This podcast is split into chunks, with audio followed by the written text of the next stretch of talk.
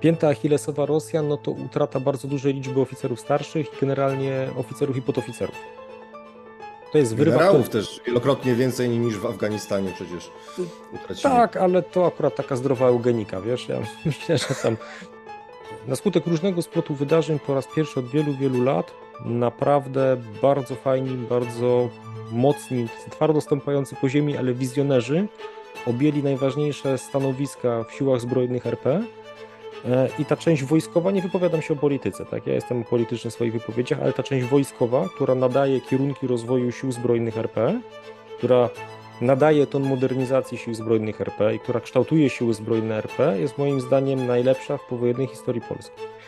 Na Ukrainie się bardzo mocno zmienia, wiesz, od czasu Soledaru i Bachmutu i tej maszynki do mięsa, przez którą zostały przepuszczone jednostki ukraińskie, dużo się zmienia. Tam dalej są takie nastroje patriotyczne, takie buńczuczne wręcz. Bardzo dobrze, one muszą być w społeczeństwie, które jest zaatakowane i które walczy o życie. Natomiast mam wrażenie, że zmęczenie społeczeństwa ukraińskiego w tym roku tą wojną będzie takie, że to społeczeństwo dojrzeje do jednak pogodzenia się z pewnymi stratami terytorialnymi.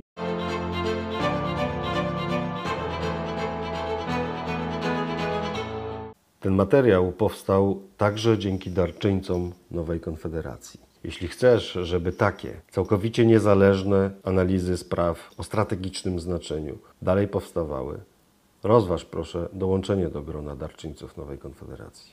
Bartłomiej Radziejewski.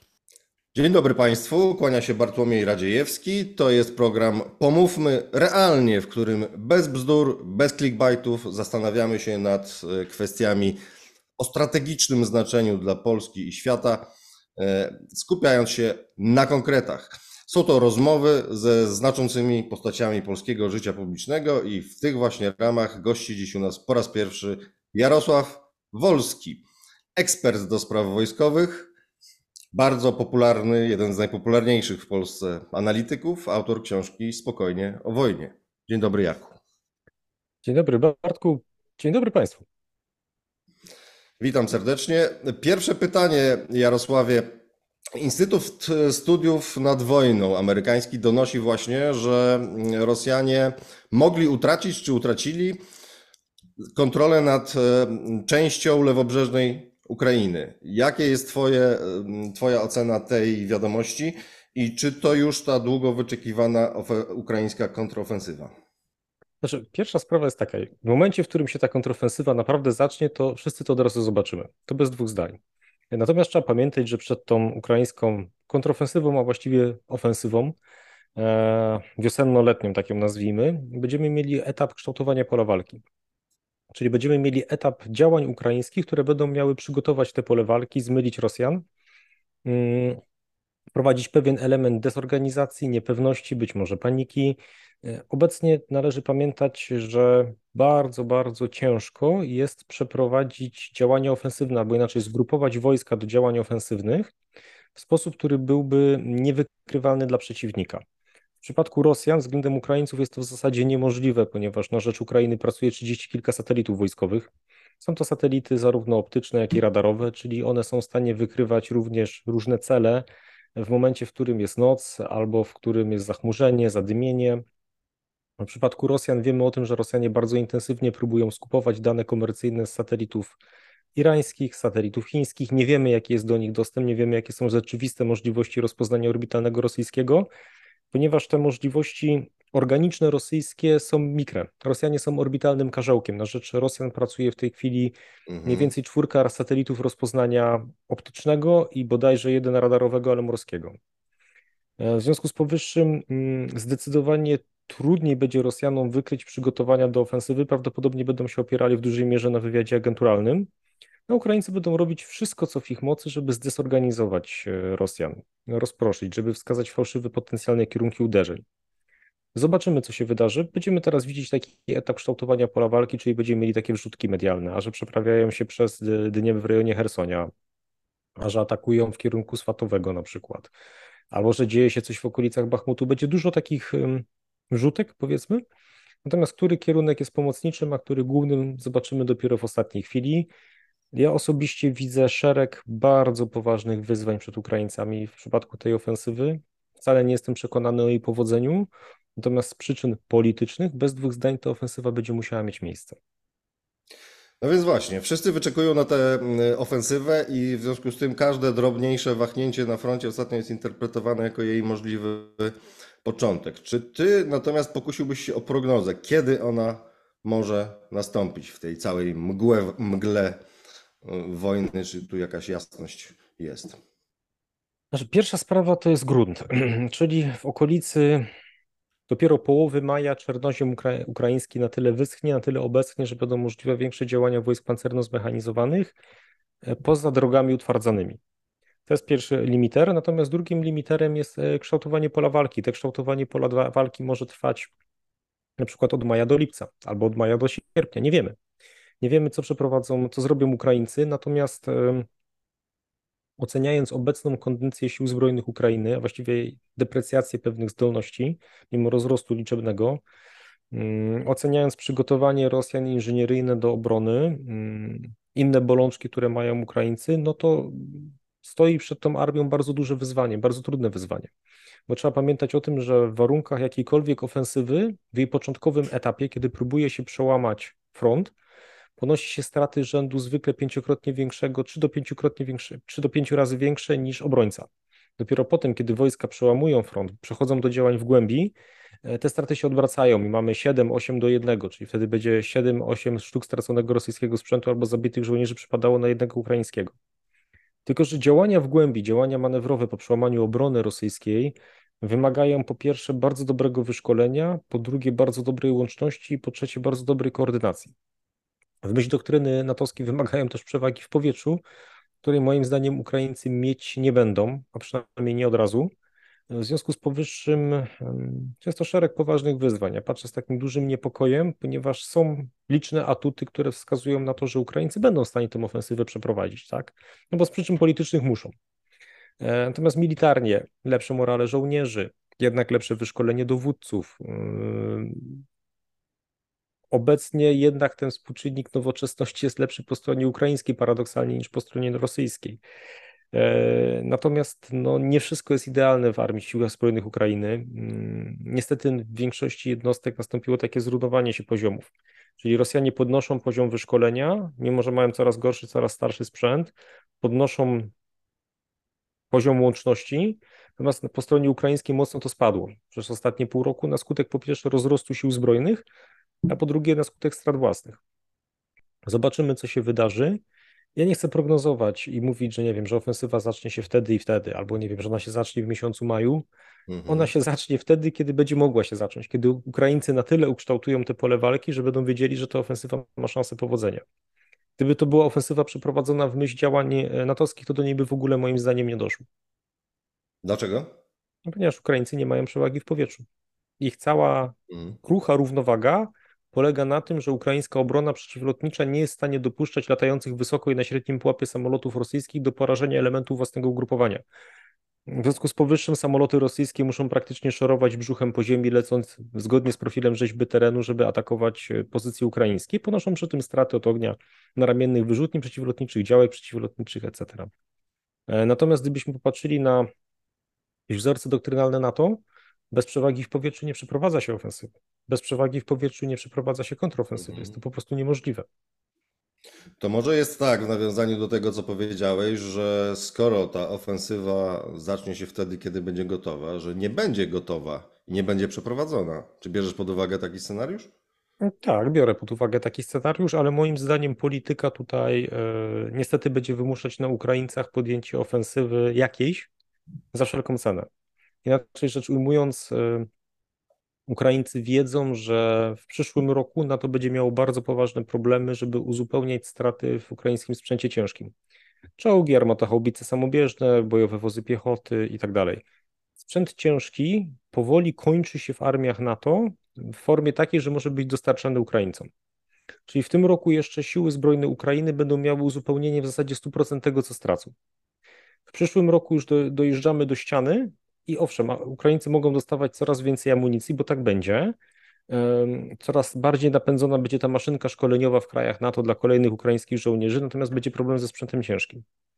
E, I faktycznie mm, istnieje w moim przeczuciu uzasadniona obawa, że Rosjanie będą próbować przeczekać ten okres, czyli wziąć Ukrainę na przeczekanie, na zmęczenie Zachodu, na zmęczenie Ukrainy, czyli na zamrożenie tego konfliktu w formie takiej, jakiej jest następnych kilka lat. Na przykład poczekają na, na to, co się wydarzy na Pacyfiku. E, natomiast Ukraińcy z kolei wiedzą, że teraz NATO jest skonsolidowane, teraz mają dużą pomoc i teraz jeszcze Rosjanie są relatywnie słabi. Niestety Rosjanie przez ostatnie pół roku bardzo mocno poprawili y, szkolenie w swoich siłach zbrojnych, bardzo mocno załatali pewne luki. Więc ta deprecjacja sprzętowa u Rosjan owszem dalej postępuje, dalej tracą sprzęt, natomiast prowadzają może i starsze modele, ale są w stanie uzupełniać straty. Natomiast Rosjanie niestety poprawili łączność, poprowadzili dowodzenie, poprawili szereg innych rzeczy.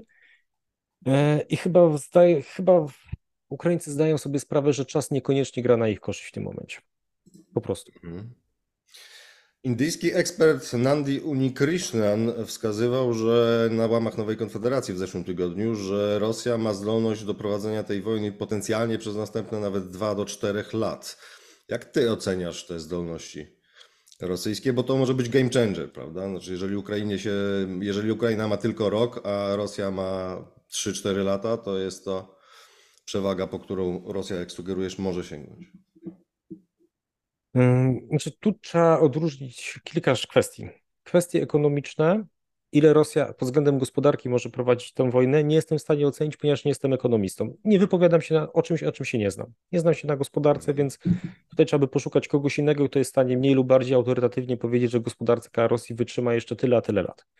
To skądinąd, e, przepraszam, że wejdę w słowo, pokazuje, jak interdyscyplinarnym, złożonym zagadnieniem jest dzisiaj wojna i polityka w ogóle, prawda? To, to powinny zespoły specjalistów różnych dziedzin pracować nad tym tematem. E, tak, natomiast zawsze możliwości wygrania danej wojny były pochodną możliwości zaopatrywania, żywienia wojny, a to było zawsze pochodną gospodarki albo własnej, albo sojuszniczej. Ja bym raczej powiedział, że gospodarka i możliwości gospodarcze państwa, które toczyły wojnę, zawsze były ważniejsze nawet od sił zbrojnych danego kraju.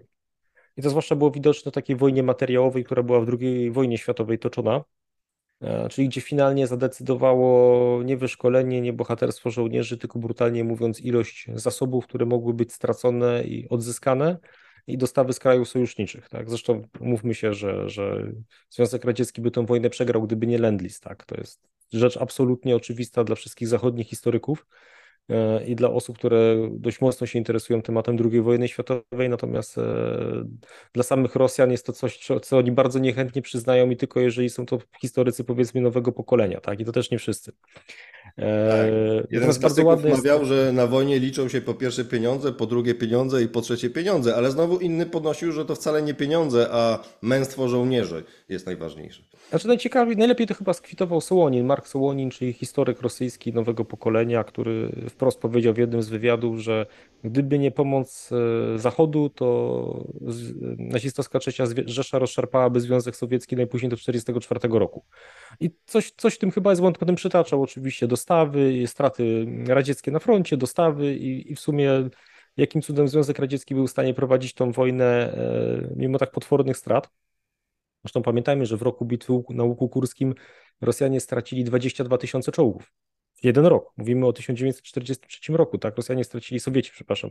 22 tysiące czołgów, no ale wyprodukowali sobie bodajże 25 tysięcy, więc na koniec, koniec roku mieli 3 tysiące na plusie, czyli prawie dwukrotnie więcej niż miał cały Wehrmacht na froncie wschodnim, tak? No, no tego, typu, tego typu to była wojna.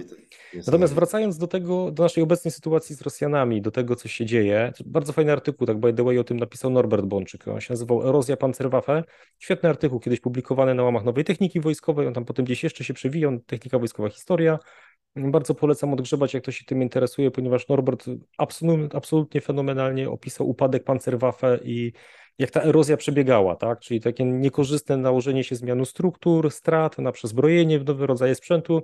I finał był tego taki, że w zasadzie tygrysy i pantery to pogrożyły Panzerwaffe zamiast jej pomóc, tak? Ale to już jest dygresja do dygresji. Natomiast wracając do Rosjan. Tak. Ekonomia nie wiem.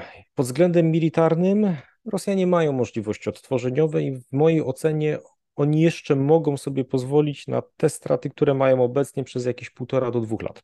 Jeszcze. Mhm. Jeszcze będą w stanie, bo oni wbrew pozorom mają naraz niewiele sprzętu na froncie. Więc jeżeli ten front będzie ograniczony do tego teatru działań, na którym obecnego, e, to oni jeszcze mogą prowadzić tę wojnę, tak? Jeszcze, zwłaszcza, że ten okres największych strat Rosjanie paradoksalnie mają już za sobą strat sprzętowych. E, natomiast pod względem wyszkolenia i demografii bez problemu. U nich to wyszkolenie w, w ramach trwania konfliktu zbrojnego po takim gwałtownym spadku na skutek utraty sporej części kadry oficerskiej, podoficerskiej, to jeżeli chodzi o wyszkolenie żołnierzy, ten poziom wyszkolenia się ustabilizował, a nawet znacząco wzrósł w ostatnim kwartale. Natomiast tu, gdzie jest taka pięta achillesowa Rosjan, no to utrata bardzo dużej liczby oficerów starszych i generalnie oficerów i podoficerów. To jest wyrywa. Generałów też wielokrotnie więcej niż w Afganistanie przecież utracili. Tak, ale to akurat taka zdrowa eugenika, wiesz, ja myślę, że tam jak, jak się tak pytać czasami Rosja, no, co wam nie zagrało, nie, no to tak no, smęcą nosem, narzekają na NATO i w ogóle, po czym wysyłają zdjęcie Nagana i mówią, że po prostu u nich należało z tym Naganem poganiać w okolicy 2018 roku i przestrzelać połowę kadry oficerskiej i generalskiej może by to zaczęło funkcjonować tak jak miało, tak, więc generalnie taka powiedzmy trzeźwa rosyjska konkluzja na temat tego, co im nie wyszło w tej wojnie, tak, czyli po prostu wybrali się nie na tę wojnę, na którą powinni. E, to jest też temat na długą historię, jak ta optyka rosyjska wygląda. E, natomiast e, jeżeli chodzi o możliwości prowadzenia wojny, w mojej ocenie Rosjanie straty, które ponieśli do tej pory, będą odtwarzać do końca dekady, do 2030 roku. Mhm. Zarówno jeżeli chodzi o nowoczesne uzbrojenie, uzbrojenie precyzyjne, o w ogóle podstawowe rodzaje uzbrojenia, jak i przede wszystkim wyszkolenie. E, zdaniem sił zbrojnych RP, taka luka bezpieczna dla nas, mniej więcej, to jest do około 2025-2026. Dlatego te wszystkie wielkie programy modernizacyjne sił zbrojnych RP są robione tak gwałtownie i szybko, żebyśmy otrzymali sprzęt najpóźniej 2026-2027, tak, żeby on już był wpasowany w ramach sił zbrojnych RP, ponieważ wojskowi zawsze zakładają najgorszy możliwy scenariusz, a ten najgorszy możliwy scenariusz głosi, że Rosjanie mniej więcej wrócą do formy w ciągu najbliższych pięciu lat. Mniej więcej. Mhm. Ja uważam, że ze względu na bardzo poważne straty w korpusie oficerskim, podoficerskim, no to oni będą się odtwarzać do 2030 roku. Tego samego zdania jest Konrad Muzyka z Rohan Consulting, tego samego zdania jest część ośrodków analitycznych anglosaskich. To jest raczej taki zgodny konsensus. Sus. No ale z drugiej strony rozumiem też siły zbrojne RP, no bo zawsze będąc wojskowym, to planujesz przewidując najgorsze, a nie najlepsze, tak? Podstawa w myśleniu o bezpieczeństwie i polityce zagranicznej. Proszę? To podstawa w myśleniu w polityce bezpieczeństwa i zagranicznej, prawda? Liczenie się przede wszystkim z najgorszym scenariuszem. Tak, znaczy mam wrażenie, że mm, bardzo się u nas nie docenia ośrodków analitycznych w Ministerstwie Obrony Narodowej i Siłach Zbrojnych RP. Bardzo. Jest takie wrażenie, że tam wiesz, dzieci we mgle błąkają się po omacku i jakieś tam genialne koncepcje poza tymi ośrodkami muszą powstawać, bo oni biedni nic. Prawda jest zupełnie inna. Tam naprawdę są bardzo dobrzy analitycy, tam naprawdę są bardzo ciekawe koncepcje, tam naprawdę mają wszystko poukładane. Tylko po pierwsze się tym nie chwalą, bo nie mogą. Kompletnie, absolutnie, bo to jest oklauzulowane. Mm, a po drugie, mm, niekoniecznie ktoś ma ochotę e, się z tym wypuszczać w ramach jakichś tam politycznych gierek, e, politycznej wojenki polsko-polskiej i tak dalej, tak? Tu myślę, że trzeba widzów uspokoić, że naprawdę na stołkach generalskich w Wojsku Polskim zasiadają mądrzy ludzie, tak? I mówimy o dowódcy generalnym, dowódcy operacyjnym, o szefie sztabu generalnego, na skutek różnego splotu wydarzeń po raz pierwszy od wielu, wielu lat naprawdę bardzo fajni, bardzo mocni, twardo stąpający po ziemi, ale wizjonerzy objęli najważniejsze stanowiska w siłach zbrojnych RP. E, I ta część wojskowa, nie wypowiadam się o polityce, tak? Ja jestem polityczny w swoich wypowiedziach, ale ta część wojskowa, która nadaje kierunki rozwoju sił zbrojnych RP, która nadaje ton modernizacji sił zbrojnych RP i która kształtuje siły zbrojne RP, jest moim zdaniem najlepsza w powojennej historii Polski. Zobaczymy, wiesz, jeszcze co się wydarzy dalej. Tak, no bo wiesz, dowódca operacyjny generał Piotrowski, dowódca generalny generał Kukuła, szef sztabu generalnego generał Romuald Andrzejczak, wiesz, to są mm, osoby, z którymi jak się porozmawia, których jak się posłucha na różnych spotkaniach, to naprawdę widać, że to są ludzie, którzy wiedzą, co robią tak? I trochę inny przekaz jest taki, wiesz, oficjalny, trochę inny przekaz jest przy okazji, nie wiem, święta odsłonięcia pomnika w Pcimiu Dolnym, bo to jest coś innego, tak? Odróżnijmy PR, częściowo polityczny, częściowo wojskowy, mhm. od tego, co naprawdę robi się i co naprawdę się dzieje w sztabie generalnym, dowództwie operacyjnym, dowództwie generalnym. No pamiętajmy, że też, bo że nie wszyscy widzowie wiedzą, tak, że dowództwo generalne jest tą częścią Wojska Polskiego, które przygotowuje i trenuje siły zbrojne w okresie pokoju. Dowództwo operacyjne jest tą częścią sił zbrojnych, które dowodzi w trakcie wojny i dowodzi poza granicami kraju. No i sztab, gener sztab generalny teoretycznie w czasie wojny przyjmuje całość dowodzenia. Tak? Jest taki podział, niektórzy dyskutują z tym podziałem, niektórzy uważają, że on jest błędny, natomiast e, obecnie to wygląda jak taki fajny triumvirat, który jest, owszem, nie, nie we wszystkim się zgadza, ale zgodnie robi coś na rzecz e, kompletnej zmiany jakościowej w siłach zbrojnych RP. E, I wiesz, i teraz fajnie by było, żeby nikt temu nie przeszkadzał, nie? tak w dużym skrócie. I żeby po prostu można było jakąś koncepcję, która została określona, E, realizować w miarę spokojnie, zwłaszcza wobec tego, że Rosjanie no prędzej czy później będą starali się znowu sięgnąć po więcej, tak, no bo w logice Rosji jako państwa, jako pewnego imperium, cywilizacji nawet osobnej bym powiedział, no leży jednak ciągły podbój, tak, ciągła ekspansja na zewnątrz. E, Oczywiście, znamy to nadto dobrze z naszej historii. Tak. Natomiast... Natomiast y, bardzo ciekawe to, co mówisz o tych światłych generałach i dowódcach w polskim wojsku. To rzeczywiście trudno się nie zgodzić z peanami na cześć tych wymienionych postaci. Tylko czy to nie jest tak, że y, suma zaniedbań wieloletnich jest tak duża, że nawet grupa wizjonerów tego rodzaju nie jest w stanie tego szybko zmienić? Poza tym chyba trzeba odróżnić tutaj dwa okresy, prawda? Bo sam zdajesz się sugerować, że przed wojną ukraińską było jednak nieco inaczej niż jest teraz, czy też przynajmniej kilka lat temu było znacząco inaczej niż jest teraz. Tak, to jest bardzo oczywiste. Powiedziałbym, że aż do 2020 roku mieliśmy raczej działania pozorowane niż realne. Czyli nie było woli przeznaczania realnych środków finansowych dla sił zbrojnych, nie było woli realnego rozrostu sił zbrojnych, była warstwa deklaratywna. Pewne rzeczy udało się wdrożyć, tak, ruszenie programów Patriot, ruszenie innych programów zbrojeniowych, stworzenie Wojsk Obrony Terytorialnej, coś przeciwko czemu ja bardzo mocno optowałem, tak. Ja pierwszy uważałem, że to będzie, że tworzenie struktury wewnątrz struktury jest złe, tak, natomiast no, po latach się okazało, że się myliłem i WOT to błyszczał w dziesiątkę. E, natomiast e, jeżeli chodzi o ten okres, dużo PR-u, mało realnej roboty. Zmieniło się to w 2020 roku, zaczęło się zmieniać w roku pandemicznym z różnych przyczyn. Natomiast w 2021 roku, jak już Amerykanie, tak podejrzewam, że to wyglądało tak, że Amerykanie przyjechali do naszych i im powiedzieli, co się, co się będzie działo, mieliśmy taką niesamowitą woltę. Zauważ, że Niestety musimy na chwilę wrócić do polityki. Prezes PiSu nagle przejął cugle MONów wiesz, we własne ręce. Nagle się okazało, że znalazły się pieniądze na 250 Abramsów, nagle ruszyły różne inne programy. I to było takie zaskakujące, tak, że no, osoba, która realnie dzierży władzę w Polsce, nagle się interesuje Monem, nagle się okazuje, że wiesz, są jakieś takie gwałtowne ruchy. W mojej ocenie to był ten moment, gdzie e, Anglosasi nie mieli już żadnych wątpliwości, że wojna wybuchnie, tak, czyli e, lato 2020, wiosna lato 2021 roku, tak, że już było widać przygotowania Rosji do wielkiej wojny, potem Rosjanie na szczęście ten plan operacji zmienili, bo w międzyczasie ale widać było, że wydarzy się coś bardzo niedobrego, no i wtedy poszły bardzo poważne ostrzeżenia dla sojuszników, w tym do nas, no i to był ten moment, że najważniejsze czynniki w państwie faktycznie zainteresowały się stanem sił zbrojnych. Ale od tego czasu mamy, no co jest tą polską borączką, tak? Ja wiesz, wolałbym, żebyśmy byli bardziej jak kraje skandynawskie albo jak Niemcy, tak? Czyli takie, wiesz, metodyczne planowanie, obranie jakiegoś kierunku i może nawet niezbyt dobre, ale trzymanie się go przez lata, tak? Ale wiesz, takie trzymanie się danego kierunku i metodyczne realizowanie punkt po punkcie. Sarmacka e, dusza cierpi na tym. Tak, natomiast właśnie u nas ta sarmacka dusza, wiesz, kultura honoru powoduje, że my e, potrafimy się wspaniale mobilizować, potrafimy dokonywać rzeczy wielkich, ale to jest takie, wiesz, mieszanie się od ściany do ściany, tak?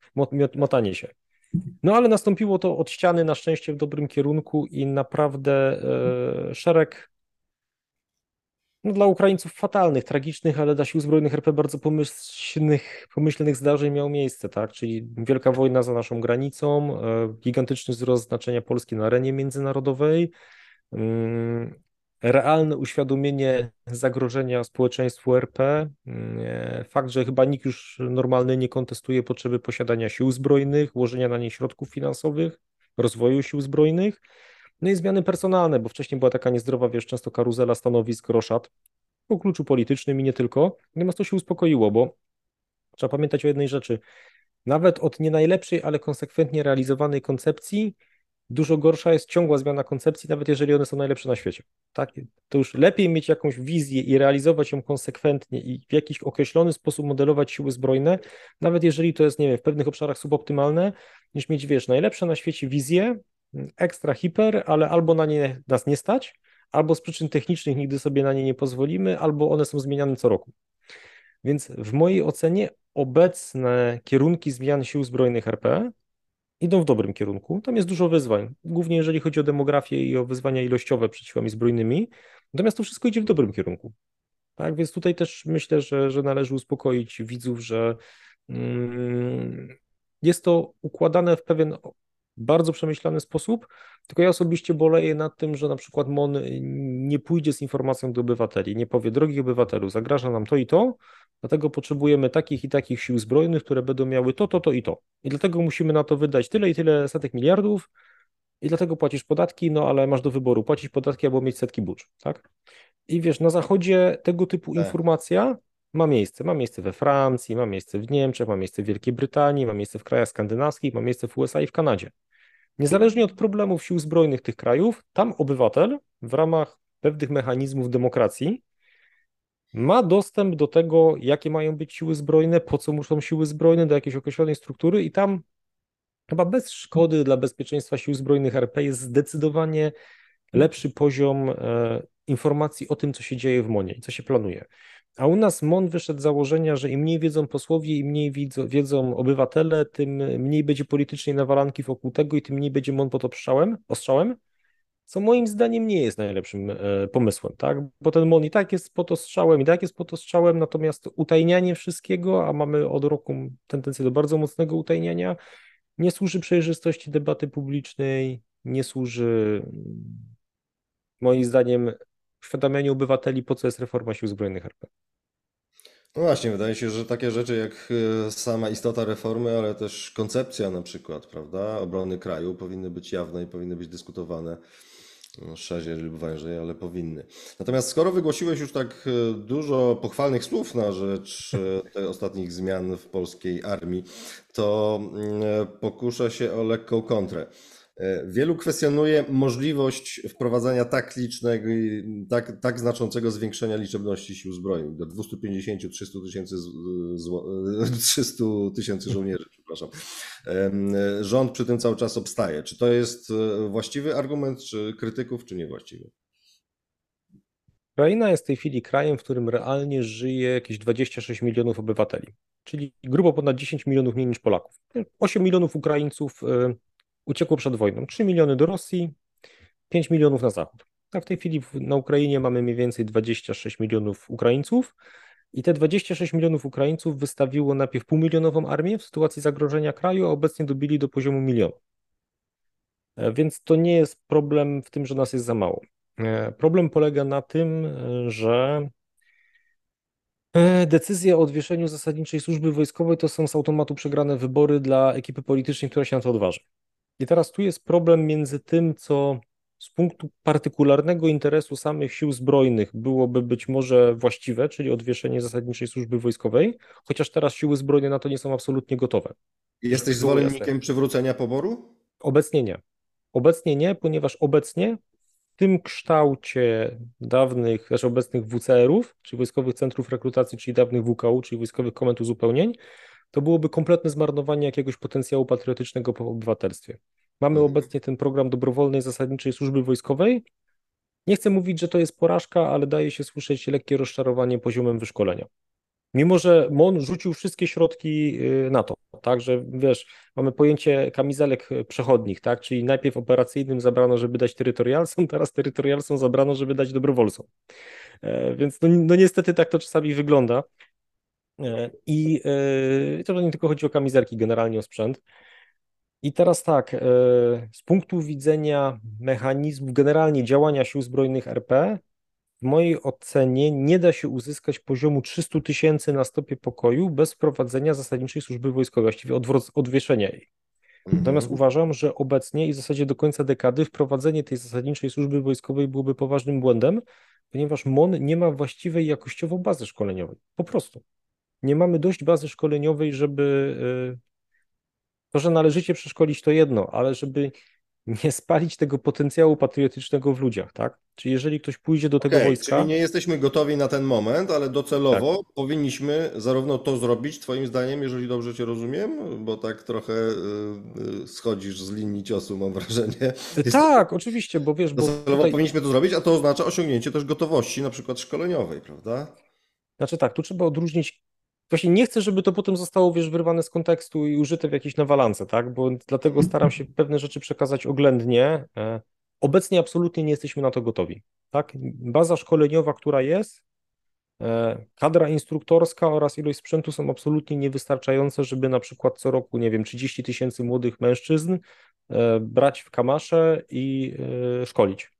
Nawet gdyby to było na zasadzie przeszkolenia takiego, jak jest w WOcie, czyli takie 16 dni wojskowego BHP, a potem na przykład rozbite 3 razy 30 dni, no bo tak y, szkoleniowcy, z którymi rozmawiałem, mówili, że takie y, na trzy raty łącznie 90 dni, tam do 100 dni, no to to jest takie minimum, żeby był ten poborowy minimalnie chociaż przeszkolony, tak? Czyli 16 dni wojskowego BHP, a potem na przykład 3 razy 30 dni, tak?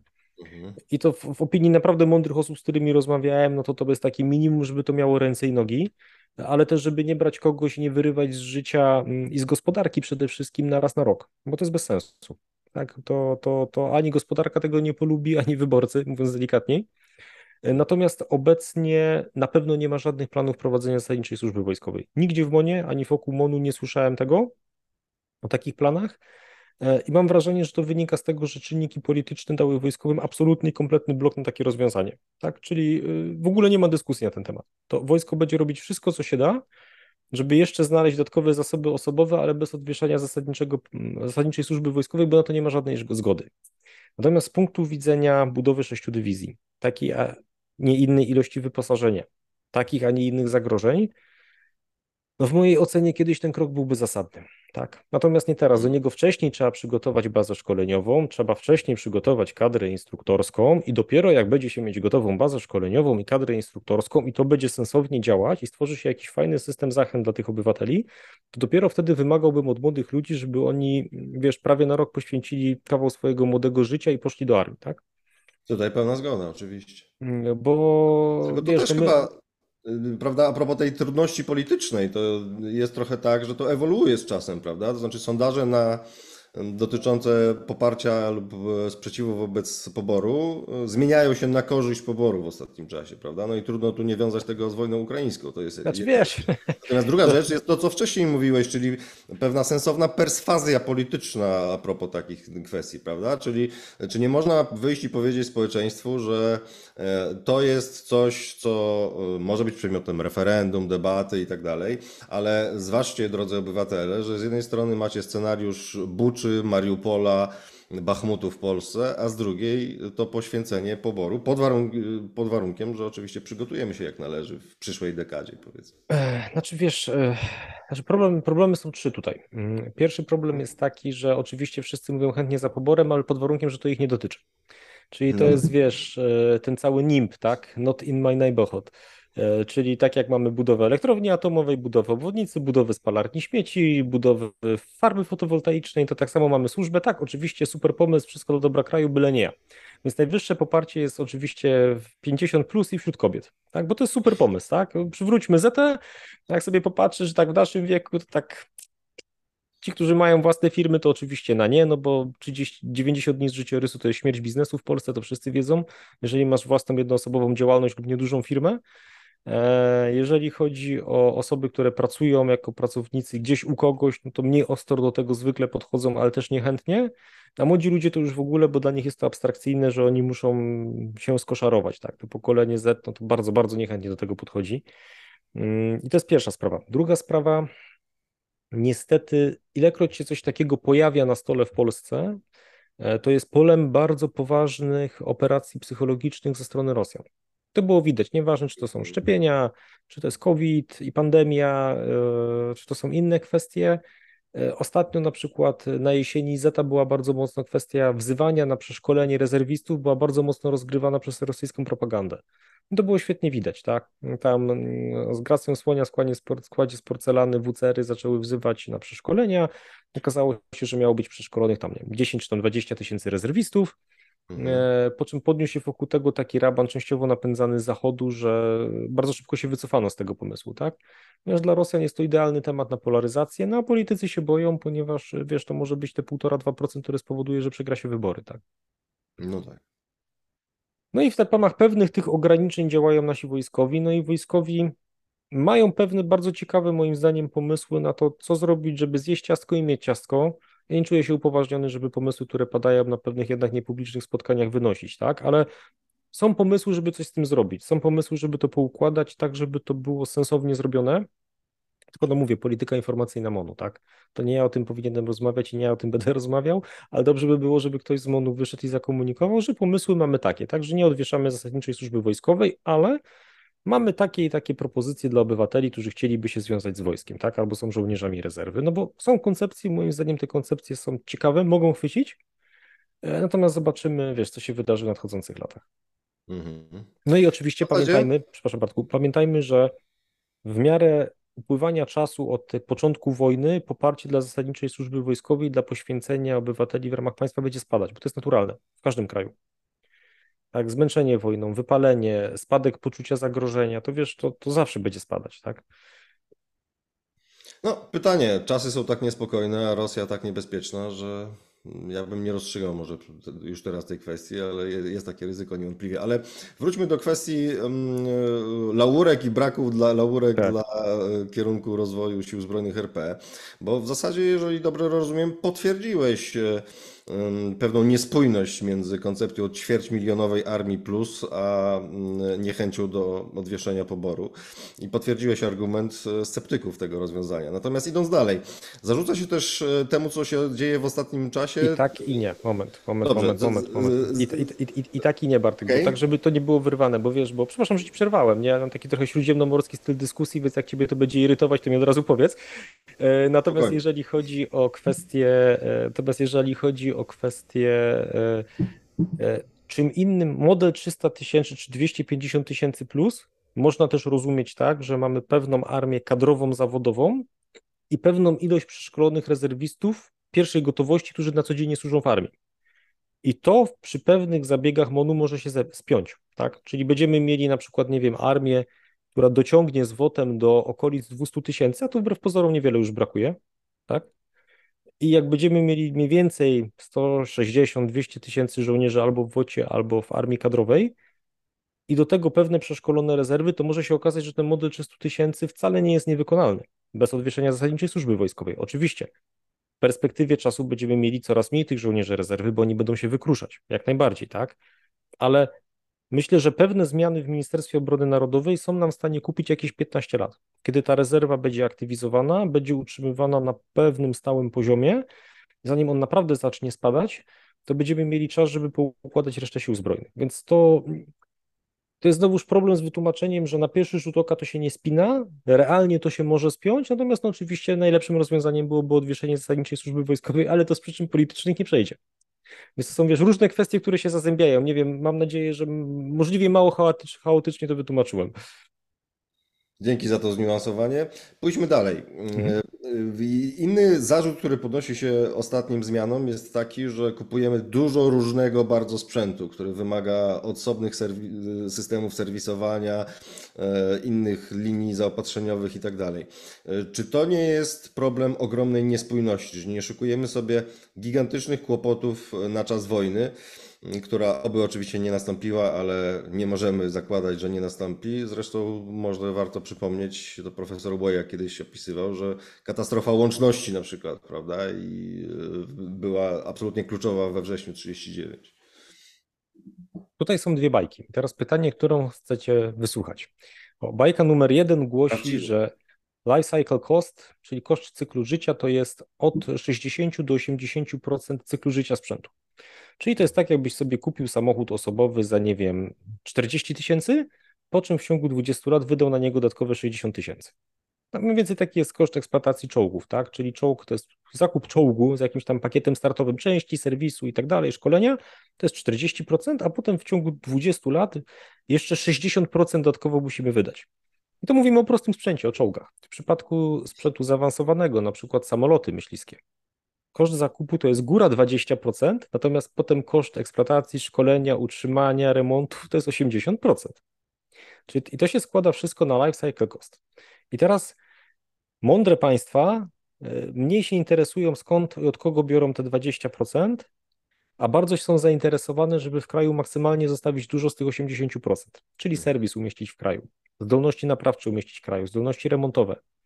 Tak robią Skandynawowie, tak robią Anglicy, tak robią Francuzi, e, tak próbują robić Hindusi, chociaż to wygląda bardzo różnie, tak robią Koreańczycy, tak robią Japończycy. Mhm. No kraje, które kupują spółki jak leci, bo nie mają wyjścia, zwykle słabo na tym kończą, mm, wychodzą. E, albo szybko się uczą, że, że należy jednak mieć własne zdolności. Tak? Turcja próbuje takie zdolności budować albo buduje. A co robimy e, my? Zaraz, zaraz opowiem. To jest pierwsza bajka, tak? Czyli life cycle cost jest bardzo ważny i po prostu musimy mieć, czyli najlepiej kupić jeden typ czołgu. Mhm. I do tego jednego typu czołgu mieć w kraju możliwie duży i szeroki serwis. Jeden typ samolotu, tak, albo góra dwa. Jeden typ śmigłowca, a nie trzy, właściwie cztery, jak kupujemy i tak dalej. I to jest no pierwsza właśnie. bajka. Druga bajka, żeby trochę to skomplikować, bo wiesz, w życiu rzadko kiedy coś jest takie ładne, czarno-białe, niezwykle to jest drobna kratka. Jak ktoś y, podaje jakieś proste rozwiązania i genialne solucje, to zwykle jest to albo marketing, albo kłamstwo, albo na ogół jedno i drugie. I żeby to nie było takie proste i dwuwymiarowe, to jeżeli chodzi o trochę bardziej skomplikowaną stronę e, tego medalu, jeżeli masz jednego dostawcę, Obecnie, aż może inaczej, obecnie nie ma czegoś takiego jak gospodarki funkcjonujące w ramach autarki. Tak samo nie masz czegoś takiego jak, e, bardzo rzadko masz, jak pełna samowystarczalność jakiegoś kraju w kwestii produkcji uzbrojenia. I nawet jeżeli masz jeden typ uzbrojenia po to, żeby sobie optymalizować ten life cycle cost, koszt cyklu życia, to jesteś bardzo mocno uzależniony od jednego partnera politycznego, gospodarczego. Sprzedaż uzbrojenia to jest zawsze polityka. To, to niech widzowie sobie nie dadzą mówić, że to jest czysty biznes. Nie, to jest zawsze polityka, w jakiejś formie. Oczywiście. I teraz, jeżeli masz jeden typ czołgu, na przykład Wojna Niemiec, też jest polityką zresztą. Tak. Jeżeli masz jeden typ samolotu, na przykład tylko z USA, mamy dwa typy z USA, ale to się na razie wytnie.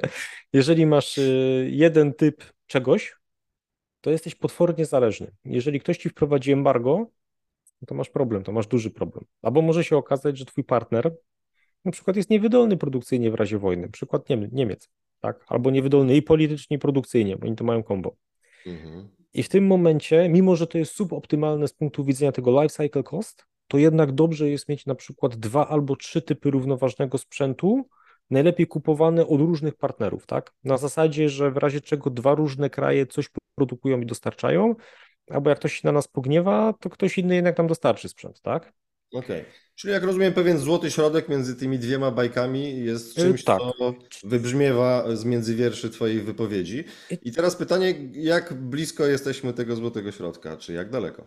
Wiesz co, do 2019 to było na zasadzie właśnie 20 wszystko jak się da z USA. E, I to było na zasadzie takiego kupowania sobie politycznego poparcia w USA poprzez fakt, że kupowaliśmy sprzętu za setki miliardów, tak?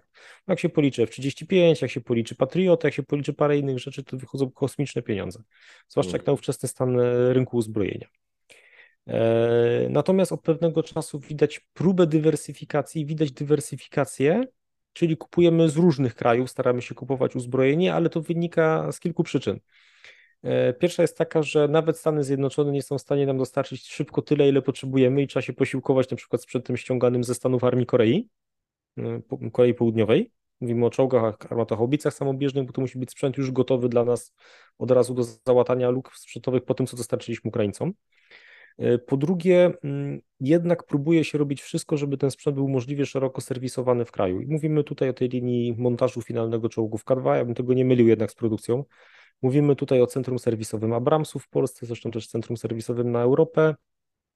Widać wyraźnie, że wojskowi, o ile politycznie pozwoli im się na to działać, to mają pewien pomysł i yy, no, chcą to jakoś sensownie poukładać, tak?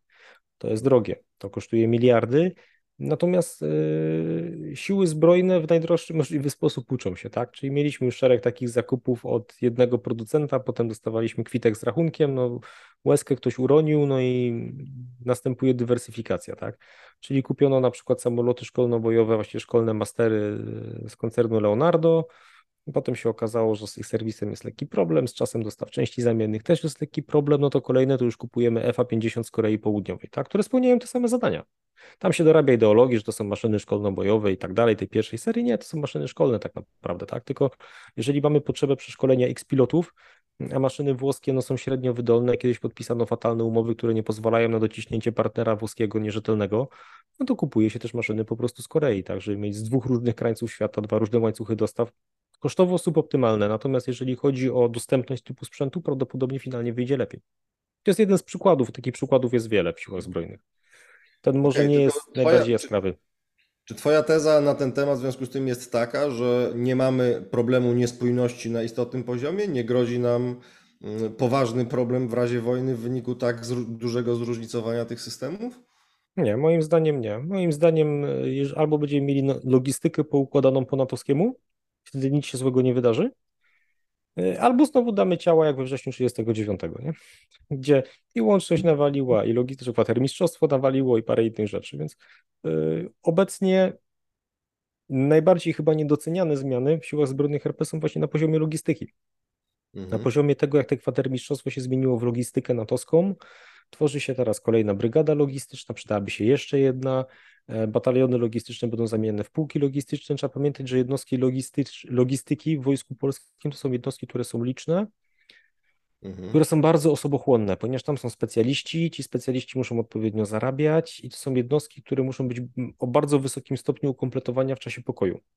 Mhm. I wiesz, i może te takie zielone ciężarówki czy paleciaki nie robią wrażenia, ale e, proszę mi wierzyć, i to głównie do widzów mówię, że jedna brygada logistyczna jest bardziej cenna dla sił zbrojnych RP niż jedna brygada zmechanizowana. Mimo, że ktoś może powiedzieć, no ale jak to zaraz, tu masz kilkadziesiąt czołgów, kilkaset bojowych wozów piechoty, kilkadziesiąt armatochaubic samowieżnych, a potęga, tak, enta dywizja imienia czegoś tam, brama brzeska i w ogóle, no czy tam jakiś przesmyk. Nie, prawda jest taka, że ta brygada logistyczna, ten taki belog pisany z dużej, B-log, czyli brygada logistyczna jest dużo ważniejsza dla sprawności sił zbrojnych RP niż kolejna brygada zmechanizowana. No i my taką brygadę logistyczną kolejną tworzymy, tak? Ma być też rozrost tych jednostek logistycznych, ponieważ w NATO to, co decyduje o możliwości zaopatrywania i prowadzenia walki, to jest logistyka. I też jak zobaczymy na mm, ukraińskie pole walki, to co spowodowało, że Rosjanie zaczęli tą wojnę przegrywać, to było rozwalenie ich logistyki. Po prostu, tak? Więc e, jeżeli pytasz się mnie, w jakim kierunku to zmierza, obecnie zmierza w kierunku dobrym, ale dlatego, że uczyliśmy się na własnych błędach. Ja bym osobiście wolał się nie uczyć na własnych błędach, tylko na błędach cudzych, tak? E, natomiast no, jak już się uczyliśmy na własnych błędach, no to dobrze, że wyciągamy z tego wnioski i pewne rzeczy zmieniamy, tak? Okej. Okay. Pożeglowaliśmy bardzo mocno w stronę oceny, analizy stanu mm, zmian w siłach zbrojnych RP. Wróćmy, proponuję na koniec do kwestii Ukrainy. Mhm. Z tego, co wcześniej mówiłeś, przebija jak dla mnie spory pesymizm, co jest dla mnie, nie ukrywam, zaskakujące, ponieważ odbierałem Cię jako wielkiego optymistę dotąd sprawy ukraińskiej. E, wszyscy chyba zgodzimy się z łatwością co do tego, że chcemy, żeby Ukraina wygrała, natomiast nie wszyscy są równie optymistyczni. Ja akurat byłem dosyć pesymistyczny jak dotąd co do tej możliwości. Ty byłeś wielkim optymistą, prawda? Znaczy, wielokrotnie powtarzałeś, Ukraina wygra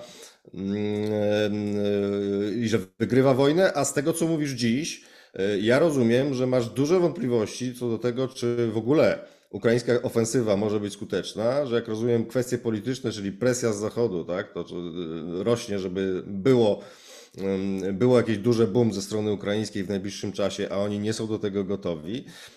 Y, podnosisz kwestię dużych przewag rosyjskich, to jak to jest w końcu z tym twoim optymizmem, pesymizmem? Już ci powiem.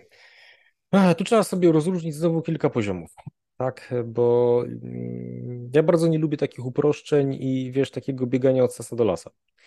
E, więc e, jeżeli sobie rozpatrzymy ten poziom najwyższy polityczny i ocenę, czy ktoś wygrał wojnę, czy przegrał, podejmuje się tylko i wyłącznie z poziomu politycznego. Poziom militarny nas nie interesuje, tak? Jak mamy tą taksonomię operacji, tak, czyli poziom taktyczny, operacyjny, strategiczny, polityczny, poziom polityczny jest największy i ocenę tego, czy ktoś wygrał, czy przegrał wojnę, podejmujemy tylko i wyłącznie z poziomu politycznego. Dlaczego? A dlatego, że historia pełna jest przykładów, kiedy ktoś przegrał militarnie, ale jednak politycznie wygrał. Nie na odwrót. Są sytuacje, kiedy ktoś wygrał militarnie, rozgromił przeciwnika, ale potem to zwycięstwo wymknęło mu się z rąk. Oczywiście. I teraz tak, jak na razie, tak, ja już tutaj nie będę sięgał do Yom Kippur, rokowań z Camp David, yy, Wietnam Północny, Południowy i tak dalej. Tak, to są klasyki, każdy jak chce może sobie tego przejrzeć, sprawdzić. Czy wojna zimowa rosyjsko-fińska? Tak, oczywiście, wojna kontynuacyjna, potem tak, e, rokowania po talii Talhala i tak dalej. E, natomiast e, to jest znowu mam dygresję do dygresji, ale czas nas goni, jak rozumiem, więc sobie pozwolę bez dygresji o talii Talhala i o wojnie kontynuacyjnej o, bit, po bit, o bitwie pod Tali i Talhala, to polecam wszystkim widzom, żeby zobaczyli, jak wyglądała chyba najbardziej epicka bitwa II wojny światowej i taka, która faktycznie miała przełożenie na kształt niepodległości i w miarę niezależności jakiegoś kraju po wojnie, czyli Finlandii, tak? E, I to jest, też, to jest też ciekawe, że ta bitwa jest jedynym przykładem, kiedy dostawa jakiegoś konkretnego rodzaju uzbrojenia miała przełożenie na wynik bitwy i miała przełożenie potem na negocjacje pokojowe i na kształt danego państwa po wojnie.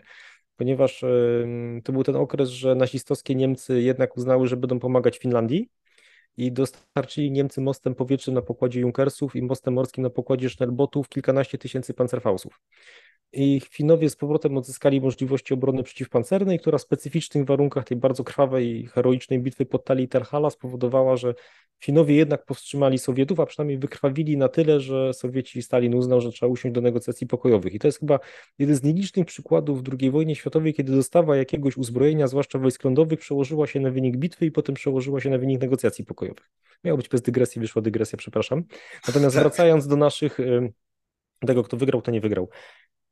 Jeżeli popatrzymy na to, co werbalizowali czy wygra, Rosjanie. Czy wygrał, czy nie wygrał, to jeszcze za wcześnie mówić, no, tak? Ale mówić o obecnym stanie gry. Otóż nie. Otóż nie, bo politycznie Ukraina już wygrała. I to zaraz udowodnię.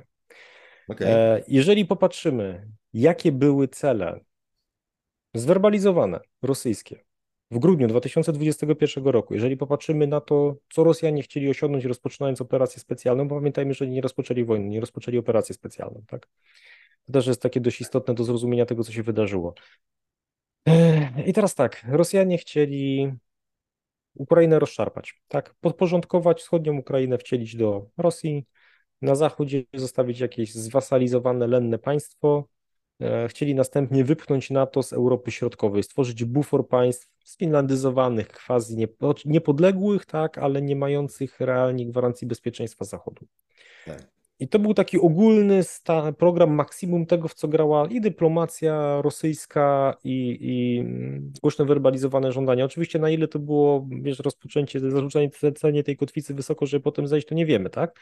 No ale grali Rosjanie wysoko, zaczęli tą grę wysoko w listopadzie, grudniu 2021 roku.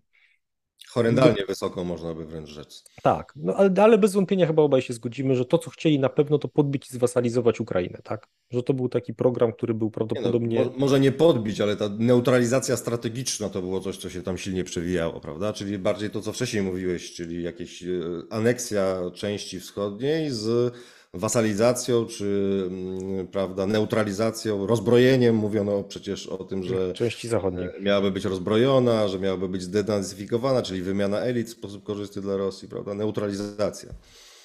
No i teraz jak popatrzymy na te e, cele rosyjskie, o których wiemy, jak popatrzymy na to, że teraz już nie ma o tym mowy w żaden sposób, no to Ukraina wygrała, tak, z poziomu politycznego. Obroniła niezależność, obroniła niepodległość, w interesie sojuszników zachodnich Ukrainy jest dozbrajanie Ukrainy, jest wycieńczanie Rosji za pomocą ukraińskich rąk, no bo tak to trochę wygląda, taka jest optyka, podejrzewam, części waszyngtońskich elit i nie tylko. Mm, oprócz tego jątrzący się konflikt i osłabianie Rosji może nie być na rękę Niemcom na przykład, albo po części Francuzom, ale jest na rękę Waszyngtonowi, tak? I generalnie rzecz biorąc krajem anglosaskim. Więc yy, Ukraina dużej części fartem, tak, ale, ale szczęście sprzyja większym batalionom, pamiętajmy przysłowie Napoleona, doprowadziła do sytuacji, w której e, po pierwsze jej działania są zbieżne z interesem Stanów Zjednoczonych, jej działania są zbieżne z interesem Polski, no bo w naszym interesie leży, leży maksymalne osłabienie Rosji, tak, stworzenie tak. niepodległych państw buforowych, to jest dalej ta doktryna, która już od wieków u nas funkcjonuje, tak. I z tego poziomu Ukraina politycznie, w mojej ocenie, ten konflikt już wygrała. Ja się tutaj na przykład bardzo głęboko nie zgadzam z Markiem Budziszem, który ostatnio mm, nie powiedział, że jeżeli Ukraina nie odzyska Krymu, to będzie strategiczna porażka, na przegra. Ja się na przykład z tym całkowicie nie zgadzam, ponieważ nie, to, czy kontrolujesz jakiś akwent, nie, nie zależy od tego, czy posiadasz półwysep, czy nie, tylko jakie masz zdolności do neutralizacji sił na tym półwyspie, albo jaką masz marynarkę wojenną i lotnictwo. Tak? Dlatego no, jedynym krajem, który tak naprawdę liczy się na Morzu Czarnym są Turcy, abstrahując od tego, że mają oczywiście cieśniny czarnomorskie, tak? ale ten, kto ma najsilniejszą flotę wojenną i lotnictwo w basenie Morza Czarnego, ten dominuje. To, to nie jest, wiesz, jakaś kwestia posiadania Dobrze, danego półwyspu w, wcielając się trochę w rolę adwokata, czy to diabła, czy Marka Budzisza, e, powiem może tak. Okej, okay, Rosja poniosła klęskę zgodnie z tym, co mówisz, na gruncie swoich tak. pierwotnych celów, które były zresztą hiperambitne, jak się wydaje, no dość takie szalone, prawda, w tym sensie. Nie, one były bardzo wykonalne, o mały Okej, okay, to, to, to, o tym jeszcze pomówmy, nie chcę za dużo wątków wprowadzać naraz, e, pomówmy ewentualnie później, jak starczy nam czasu, albo przy innej okazji, ale e, Rosja poniosła klęskę na tym poziomie bardzo generalnym, tu, tu nie ma wątpliwości, tak? tak? Tylko czy to jest wystarczająco do tego, żeby stwierdzić, że Ukraina wygrała czy wygrywa, skoro to Rosjanie jednak są w głębi terytorium ukraińskiego, to Rosjanie zajęli, Ukraina straciła kilkanaście procent swojego terytorium z ogromną częścią bazy przemysłowej, która nie tylko została stracona, ale zniszczona w ogromnej mierze, prawda? Utraciła dostęp także do Morza Azowskiego, przez który wiodły kluczowe zupełnie linie komunikacyjne ze względów gospodarczych, a gospodarka... Nie, nie, to się, one nie, nie będziemy tutaj wchodzić, ale y, że gospodarka ma kluczowe znaczenie dla wojska, to mówiliśmy. To tak tylko w roli adwokata Marka Budzisza. E, znaczy tak, e, jeżeli chodzi o. Te, znaczy te rzeczy, które mówisz, to one e, bardzo często mm, dominują w narracji osób, które twierdzą, że Ukraina tej wojny nie wygrała albo że może przegrać, tak? Natomiast jeżeli popatrzymy na to, co Rosjanie chcieli zrobić i do czego dążyli, a jaki jest efekt finalny, czyli efekt finalny jest taki, że Ukraina się trwale przesunęła na zachód, bo ona się przesunęła trwale, tak? No to ciężko ocenić tą wojnę. Czy trwale to zależy jeszcze od, czy trwale to zależy jeszcze od tego, jak wyjdzie z tej wojny, prawda? Znaczy wiesz, no z poziomu, mówię, do oceny tego, kto wygrał czy przegrał konflikt, no to decyduje tylko najwyższy poziom, tak? Oczywiście te niższe poziomy wpływają na jego ocenę, czyli suma porażek taktycznych przenosi się na porażkę operacyjną, kilka porażek operacyjnych na porażkę strategiczną, ta może wpłynąć na wymiar polityczny, tak? Czyli tego, tej oceny, z, którego, z punktu którego oceniamy, czy ktoś wygrał, czy przegrał konflikt. Natomiast jeżeli chodzi o ocenę strategii, no to w zeszłym roku bezdyskusyjnie wygrali Ukraińcy. Zmusili Rosjan do wycofania się z większości zajętych terytoriów, z większości. Przeprowadzili dwie kontrofensywy, jedna średnio udana, druga błyskotliwa. Powstrzymali Rosjan na wszystkich kierunkach. Jedynym sukcesem w tej wojnie, jak na razie, jedynym rosyjskim było wybycie korytarza z Rostowa nad Donem do Krymu. Koniec sukcesu. To jest jedyny jakikolwiek wymierny sukces rosyjski. Jeżeli popatrzymy na erozję sił zbrojnych rosyjskich, jeżeli popatrzymy na straty, które poniosły, no, ciężko ten konflikt y, uznawać za jakiś y, jakikolwiek sukces rosyjski, zwłaszcza, że wydaje się, że sami Rosjanie w tej chwili nie mają pomysłu na tą wojnę. Tak? Znaczy oni wiedzą, że nie mają sił, żeby zrealizować działania, które by w wymiarze strategicznym odwróciły Rosy tej wojny. Tak? Koncepcja rosyjska, która się wydaje w tej chwili, to jest trwać za wszelką cenę. E, natomiast jeżeli chodzi o transport, jeżeli chodzi o kwestie związane z e, tym, kto wygrał, kto przegrał tą wojnę, w przypadku Ukrainy, moim zdaniem, będziemy mieć paradoks kraju, który wygrał wojnę, e, natomiast przegrał pokój. Mm, czyli i to głównie pod względem demograficznym, nawet nie tyle gospodarki pierwotnie, co przede wszystkim demografii. Ponieważ w tej chwili ja się tutaj zgadzam całkowicie z Arielem Drabińskim, no tam u mnie akurat na kanale miał dość dużo o demografii ukraińskiej, nagrał dwa odcinki. Najpierw pierwszy nagrał taki, który miał trzy warianty i się okazało, że ten najbardziej pesymistyczny to i tak jest najbardziej optymistyczny, jak się potem okazało. No i mm, no, Ukraina wydaje się nie mieć e, szczęśliwej przyszłości, jeżeli chodzi o demografię. I to może posun- po- pociągnąć szereg potwornie niekorzystnych zdarzeń na Ukrainie, ale w perspektywie 2030 roku, a nie na przykład 2025 roku. Czyli inaczej rzecz biorąc, Ukraina być może otrzyma śmiertelny cios dla swojej demografii, dla swojej gospodarki, ale skutki tego zobaczymy dopiero za dekadę. Tu się jeszcze może dużo wydarzyć, to jest inna sprawa, tak? E, natomiast e, jeżeli chodzi o ten poziom, na razie o tą ocenę konfliktu, no to Ukraina wygrywa, bez dwóch zdań. To, co się wydarzy w tym roku, zobaczymy. Ja jestem pełen obaw, jeżeli chodzi o tą warstwę wojskową, dlatego że operacje o charakterze ofensywnym są trudne, są kosztowne i wymagają perfekcyjnej synchronizacji, wyszkolenia, dowodzenia, najlepiej przewagi w powietrzu i tak dalej. Części z tych elementów Ukraina nie ma i mieć nie będzie. Paradoksalnie dla obu krajów najlepsze byłoby z punktu widzenia wojskowego, ale nie politycznego, tu mówię od razu, zamrożenie tego konfliktu, tak? Bo i Rosjanie minimalizują swoje słabości w defensywie i Ukraińcy minimalizują pewne swoje słabości w defensywie, tak? No ale oba te kraje nie mogą być kolejne lata pod bronią non-stop, nie mogą non-stop prowadzić tej wojny z przyczyn między innymi gospodarczych. I teraz część komentatorów mówi, że Ukraina jest krajem nasz z kraju zapaści gospodarczej, że ten kraj żyje i funkcjonuje dzięki kroplówkom zachodnim gospodarczym. E, tak I tak, to jest po części prawda. To jest po części prawda, tak? E, natomiast trzeba pamiętać o tym, że Ukraina ma możliwość kontynuowania tej wojny tak długo, jak jest to na rękę w pewnym sensie, mówiąc brzydko bardzo, Zachodowi, Stanom Zjednoczonym, tak? Czyli tak długo jak takie troszkę brzydkie proksy trwa i jest w interesie Stanów, tak długo Ukraina będzie miała wszystkie możliwe środki i zasoby, żeby tę wojnę prowadzić. No właśnie, tylko czy mówiąc wcześniej o mm, presji politycznej na to, żeby była e, kontrofensywa ukraińska w najbliższym czasie, nie miałeś na myśli właśnie tego, co w Nowej Konfederacji od jakiegoś czasu omawiamy, e, wielu sygnałów, czyli wielu sygnałów amerykańskich co do tego, że właśnie jest oczekiwanie, żeby w najbliższych miesiącach Ukraińcy dokonali znaczącego postępu, bo przyszłość dalszego wspierania Ukrainy na tę skalę jest wątpliwa, jest niepewna.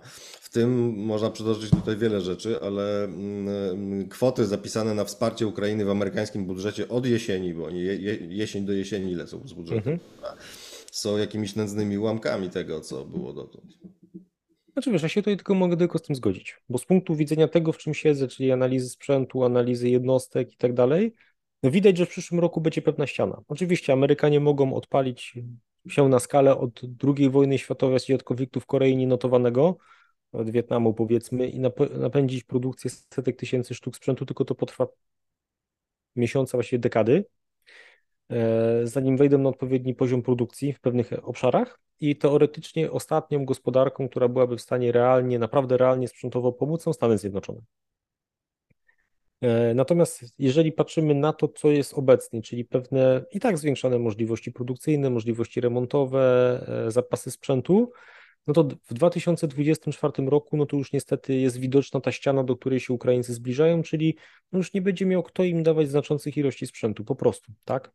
Bo też niewiele krajów postąpiło tak wspaniałomyślnie jak Polska, która zdjęła sprzęt swój z linii i dała e, sąsiadom w potrzebie, tak? No bo my zdjęliśmy sprzęt z linii, kraby zdjęliśmy z linii, goździki, grady, y, Zdjęliśmy z linii BWP1, mimo że przestarzały, ok, T72, teraz PT91, trochę Leopardów.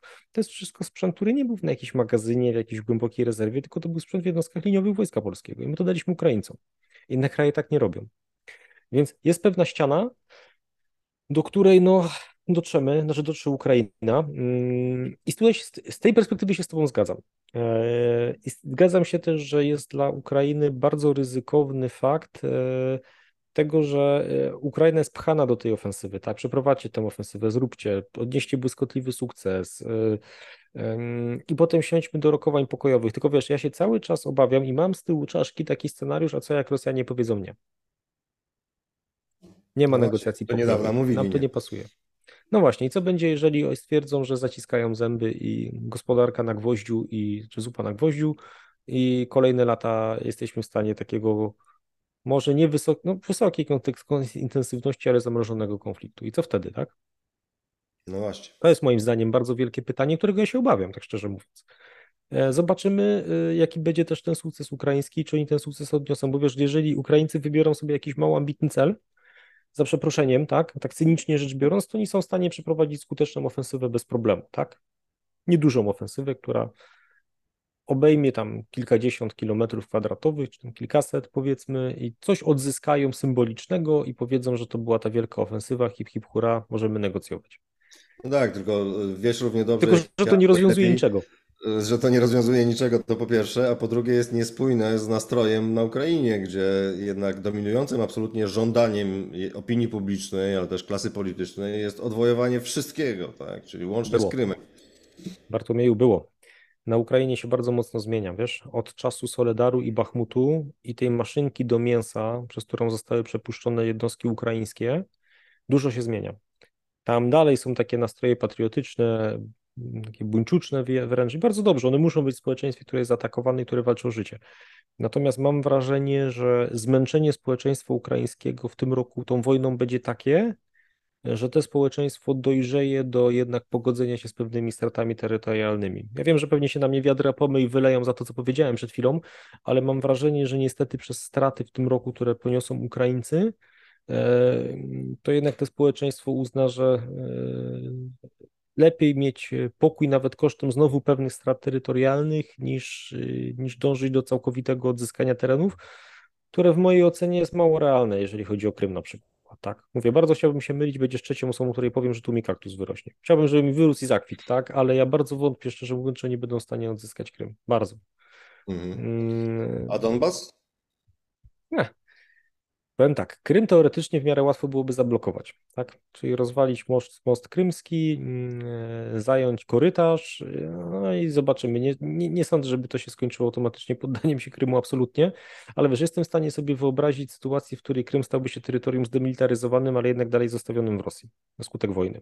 Jestem w stanie sobie taki scenariusz wyobrazić, tak? Natomiast odzyskanie Donbasu, walki miejskie w kompleksach, e, w aglomeracjach, jest to możliwe. Jak najbardziej, tak. Tylko pytanie, jakim kosztem i pytanie, co z tego Donbasu zostanie, tak? E, ponieważ też zauważ, że. Znaczy, ja mam swoją teorię dotyczącą tego, dlaczego Ukraińcy z takim uporem bronią Awdijewki, Wukledaru, Soledaru bronili, Bachmutu no bronią. No Dlaczego? Bo wiesz, z punktu widzenia militarnego to ma, do pewnego momentu to ma dużo sensu, tak, na przykład pod Wuchledarem, gdzie, gdzie Rosjanie wsadzili głowę do maszynki do mięsa, w innych przypadkach, jak Soledar, to nie miało sensu, czyli miasto, które było otoczone wzgórzami, wzgórzami, które jak zajęli Rosjanie, to jedyne, co można było zrobić, to się wycofać z tego miasta, na Ukraińcy się nie wycofali, tak, i stracili dwa bataliony. Natomiast jeżeli chodzi o Bachmut, inne miejscowości, Awdijewka na przykład, no tam są wszędzie kombinaty przemysłowe, faktycznie, tak, albo to są miejscowości, gdzie, gdzie w zasadzie, gdzie nie rzucisz kamieniem, masz kopalnię, albo walcownię, albo stalownię, albo jakieś unikalne w skali Europy zakłady.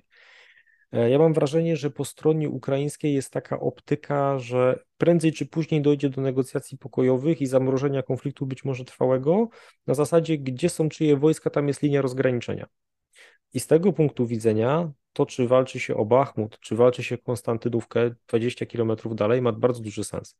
To czy walczy się o mm, jakieś piski, które leżą 10 kilometrów na południe, czy o Awdijewkę, gdzie jest duży kombinat, bardzo duży węzeł komunikacyjny i kopalnia, też ma znaczenie, tak? No bo wtedy po wojnie te tereny będą dalej ukraińskie i dalej w ramach ukraińskiej gospodarki, a nie rosyjskiej. Więc może z tego punktu widzenia mm, ma to jakiś większy sens, tak? Tylko pytanie, na ile tysięcy poległych żołnierzy ukraińskich jest przeliczalna taka kopalnia, taka stalownia, taka walcownia, tak? No właśnie. Bardzo wiele tutaj wątków interesujących i bardzo chętnie bym się dłużej jeszcze pospierał, Możemy do tego wrócić o... za miesiąc, nie ma no sprawy. No właśnie, wróćmy, wróćmy za jakiś czas, zwłaszcza o kwestii wygrywania, przegrywania, ale też tak. możliwych zakończeń. E, natomiast na koniec, jakbyś mógł spuentować wątek swojego optymizmu czy też pesymizmu. Mhm. Jeżeli dobrze Cię rozumiem, to E, stajesz się coraz mniej optymistyczny w dziedzinie podzielania, powiedzmy, tego bojowego ukraińskiego ducha co do możliwości odwojowania wszystkiego lub prawie wszystkiego, tak? I wyrażasz sceptycyzm niebagatelny co do realnych możliwości bojowych e, i strategicznych przeprowadzenia tej kontrofensywy nadchodzącej ukraińskiej. Ale z drugiej strony jesteś e, o tyle optymistyczny, że uważasz, że Ukraina w zasadzie już wygrała i nie przegranie czegoś istotnego więcej niż dotąd, y, to zwycięstwo cementuje. Dobrze Cię rozumiem? Tak, optymistycznego tak. Jarosława Wolskiego? E, tak, w zasadzie tak, bo mówię, jeżeli oceniamy ten konflikt z poziomu politycznego, to musiałaby się wydarzyć jakaś kompletnie nieprawdopodobna katastrofa w wymiarze strategicznym, militarnym, żeby to przeszło na poziom polityczny, tak? Obecnie Ukraina obroniła z grubsza integralność terytorialną, tak, pominiemy tych kilka obwodów, tak, i korytarz na Krym, obroniła niezależność, została wepchnięta trwale na zachód. Mm, e, społeczeństwo ukraińskie wręcz nienawidzi Rosjan, czyli trwale się już przesunie. To już jest tryb nieodwracalny, ponieważ ci Ukraińcy, którzy czuli się Rosjanami, to po prostu uciekli do Rosji. Tu mówimy o tych trzech milionach, tak? Więc w tym momencie będziemy mieli przesunięcie cywilizacyjne Ukrainy na zachód bardzo mocne, w zasadzie jednoznaczne. Korzystne dla nas, dla Polski bez dwóch zdań. Wiesz, ja jestem polonocentryczny, tak? Ja nie patrzę, tak, nie chcę, żeby to źle zabrzmiało, ale ja nie patrzę na Ukrainę na zasadzie, co będzie lepsze dla Ukrainy, tylko ja patrzę na zasadzie, co będzie lepsze dla Polski. E, Więc w tym wypadku Ukraina, która będzie buforem wściekle nienawidzącym Rosjan, jest lepsza dla Polski. Ukraina, która ocaliła integralność terytorialną, nawet trochę ukrajoną, ale ocaliła, natomiast ośrodki prorosyjskie i wpływ rosyjski na Ukrainie będzie zmarginalizowany, jest na plus dla naszego kraju. Ukraina, która czuje się być w pewien sposób zobowiązana Polsce jest wdzięczna, niekoniecznie na poziomie politycznym, bo to jest odwracalne, tak, ale na poziomie czysto ludzkim, bo przyjęliśmy Ukraińców pod nasze dachy, co też może w pewnym sensie zmieniać nastawienie do siebie społeczeństw i narodów, jest plusem dla Polski, tak? Dwa, gospodarka polska potrzebuje pracowników. E, Pracownicy z Ukrainy pomagają polskiej gospodarce, tak? To odpowiedni klimat do tych relacji międzyludzkich i do tego przyciągania przez polską gospodarkę pracowników z Ukrainy też jest niebagatelny. Więc jak się to A, wszystko no to prze, przeszliśmy płynnie do optymizmu co do Polski, a to tutaj nie ma sporu, Jarku. Ja też jestem optymistą co Tak, do natomiast jeżeli chodzi o optymizm co do Ukrainy, eh, politycznie uważam, że będzie dla nich ok, demograficznie kaplica. I to się potem w perspektywie dekady przełoży bardzo niewesoło na e, gospodarkę i na inne rzeczy związane z gospodarką, bo to ba- bardzo fajnie określił to Ariel Drabiński, że to będzie kraj latyfundiów napędzanych pracownikami sezonowymi z Azji Środkowo-Centralnej i wielkich obszarów miejskich, a prowincja i małe miasteczka będą wyludnione, będą wymrą po prostu, tak, na Ukrainie, bo to, bo to już jest bardzo wyraźne, co tam się wydarzy. Mm, Natomiast, e, no, sprawa, że demografia jest dość specyficzna, tak? Natomiast jeżeli chodzi o, o to, co się wydarzy, moim zdaniem Ukraina wygra wojnę, może przegrać pokój. I tego bym się obawiał, tak? Czyli obawiałbym się, czy powstaną mechanizmy bezpieczeństwa, e, które będą w stanie zagwarantować Ukrainie długotrwałą nienaruszalność jej granic. Natomiast osobiście ja jestem przeciwny wejściu Ukrainy do NATO. A już jestem bardzo przeciwny jakimkolwiek bilateralnym zobowiązaniom Polski wobec Ukrainy, tak? Czy inaczej, jeżeli Stany Zjednoczone poprą wejście Ukrainy do NATO i to Stany Zjednoczone będą gwarantem integralności terytorialnej Ukrainy, super, proszę bardzo. Natomiast jeżeli mają powstawać jakieś bilateralne polskie unie, unie polsko-ukraińskie i Polska ma być gwarantem niepodległości Ukrainy i Polska ma być pierwszym krajem, który będzie lecieć na odsiecz, ja temu osobiście jestem przeciwny. I tym niezwykle ważnym zagadnieniem zakończmy dzisiejszą naszą rozmowę ze względu na to, że presja czasu jest nieubłagana. Analizował dla Państwa sytuację zarówno Sił Zbrojnych RP, jak i mm, sytuację Ukrainy wojenną i geostrategiczną.